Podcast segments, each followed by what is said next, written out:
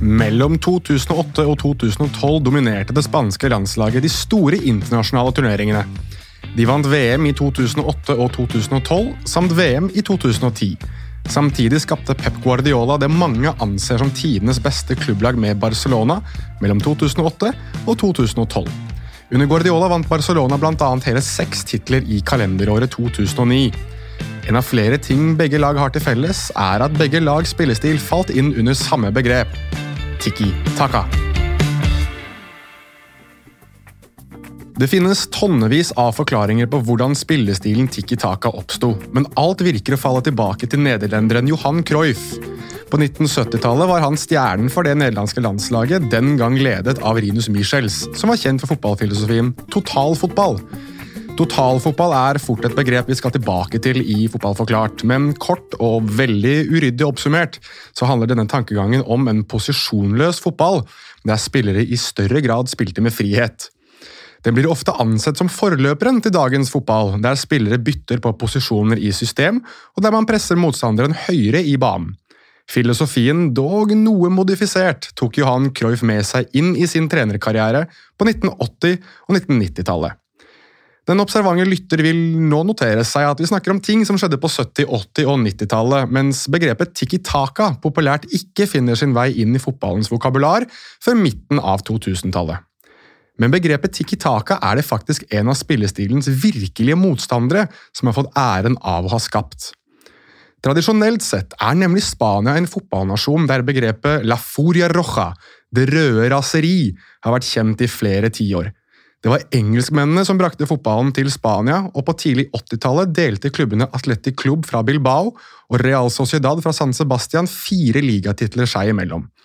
Treneren for Atletic Club var en herremann ved navn Javier Clemente. I boken Inverting the Pyramid siterer forfatter Jonathan Wilson en artikkel av den velkjente journalisten Sid Lowe, der Clemente skal ha brukt begrepet patapum i parriba som et slags ta den Clemente uttalte i et intervju med Marca for noen år siden at han foretrakk den direkte, røffe og tøffe spillestilen man hadde i England.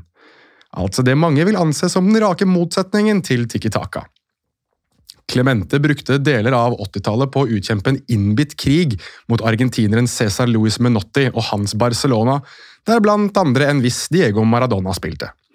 Menotti sto for den positive, bohemske fotballen og kunne vise til å ha vunnet VM med Argentina i 1978.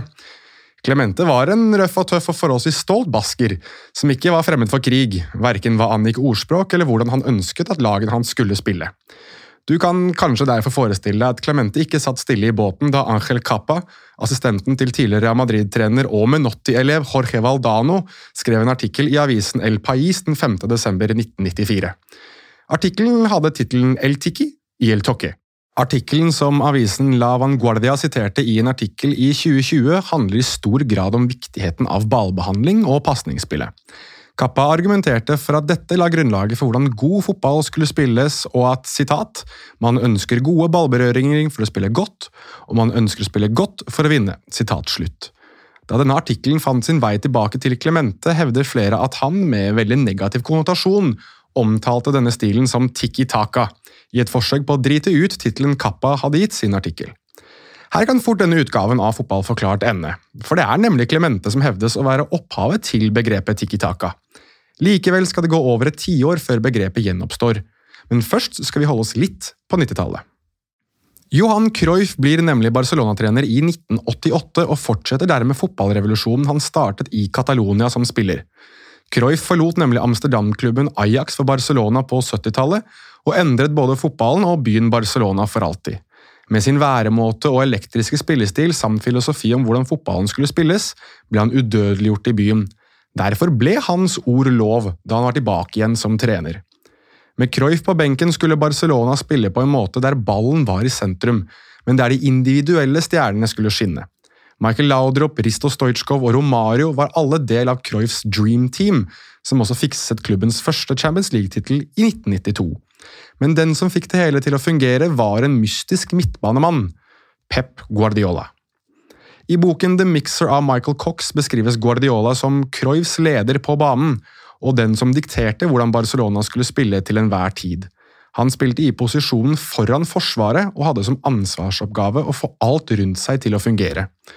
Utenfor banen ble han beskrevet som en type som distanserte seg fra lagkameratene og overanalyserte alle prestasjoner.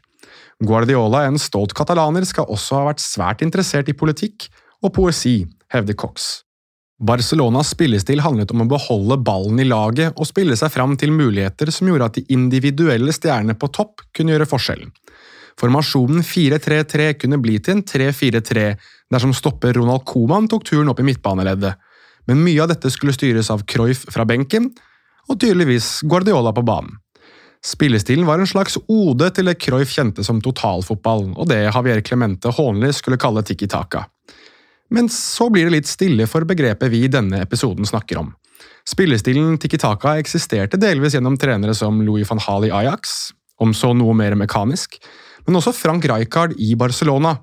Det er likevel en vis mann fra Madrid-distriktet Ortalesa som blir den som gir Tiki Taka nytt liv. Slik som Clemente var herremannen Luis Aragones av den gamle skolen.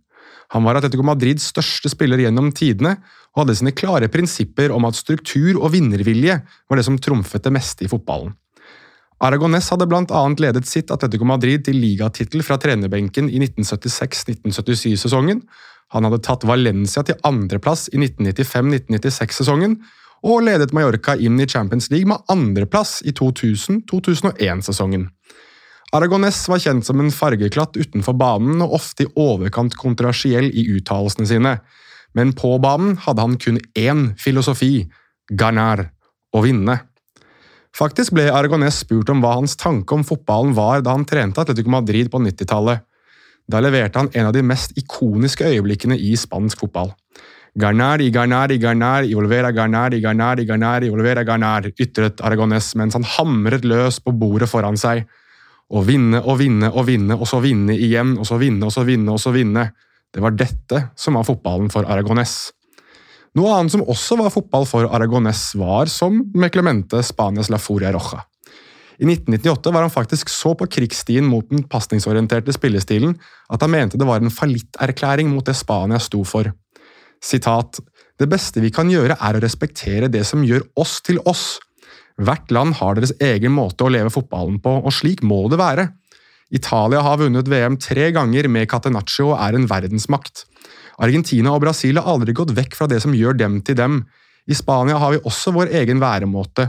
Spansk fotball har aldri vært blendende, og vi burde ikke hardnakket gå imot den.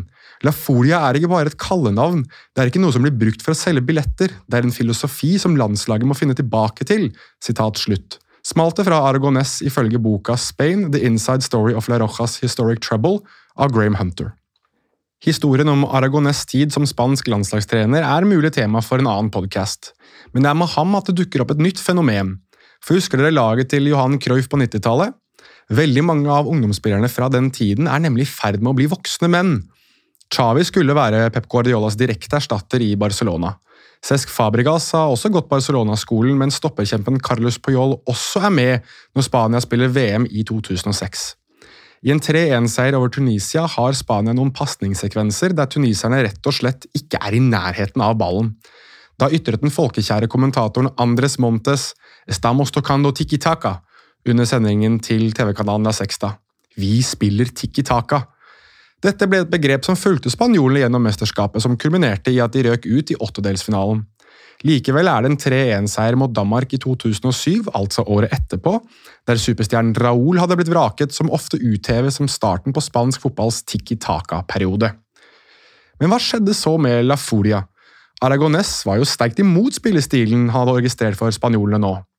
Noe av svaret finner vi nok i måten Aragones pragmatisk nok hadde ansett fotballen. Garnær i garnær i deg garnær. Og med spillere som var glade i ballen, en trener kjent for å være direkte i væremåte og i spillestil, så Tiki og Taka de seg vei gjennom motstanderne.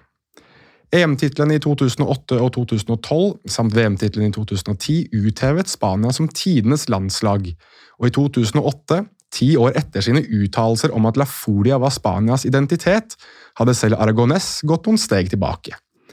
Sitat, Jeg tror fotballelskere ønsker at spillerne skal gjennomføre gode kombinasjoner, komme seg inn i feltet og gjøre mål, sitat slutt, sikteres Aragones på i The Mixer av Michael Cox. Vi er nå forventet å vinne på denne typen scene. Jeg håper bare Spania fortsetter på denne måten og vinner mange flere ganger, sa han før sin siste kamp som Spania-trener. Mens Aragones og senere Vicente del Bosque praktiserte denne spillestilen på landslaget, hadde tidligere nevnte Guardiola nå fått jobben som Barcelona-sjef. Og Med ham tok han spillestilen han hadde lært av Cruyff, og modererte den med flere ting han hadde lært. Sitat, Guardiola har aldri anerkjent seg selv som et kreativt geni eller en innovatør, sitat slutt, heter det i boka Pep Confidential av Marti Perenau, som senere siterer Guardiola på å ha sagt ideer tilhører alle, og jeg har stjålet så mange jeg kan. Likevel ble Guardiola og hans Barcelona kjent som tidenes beste fotballag, med en spillestil der ballen sto i sentrum.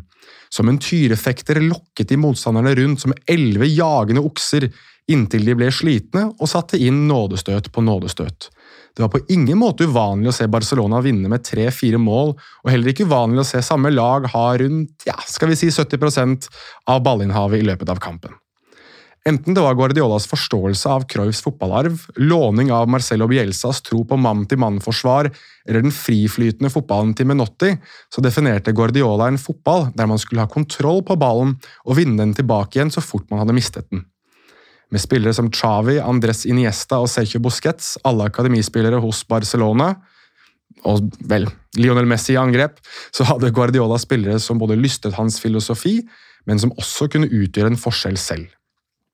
Selv om Guardiola-fotballen mellom 2008 og 2012 ble uthevet som en slags fasit, hadde begrepet tikki taka gått over til å bli et slags skjellsord.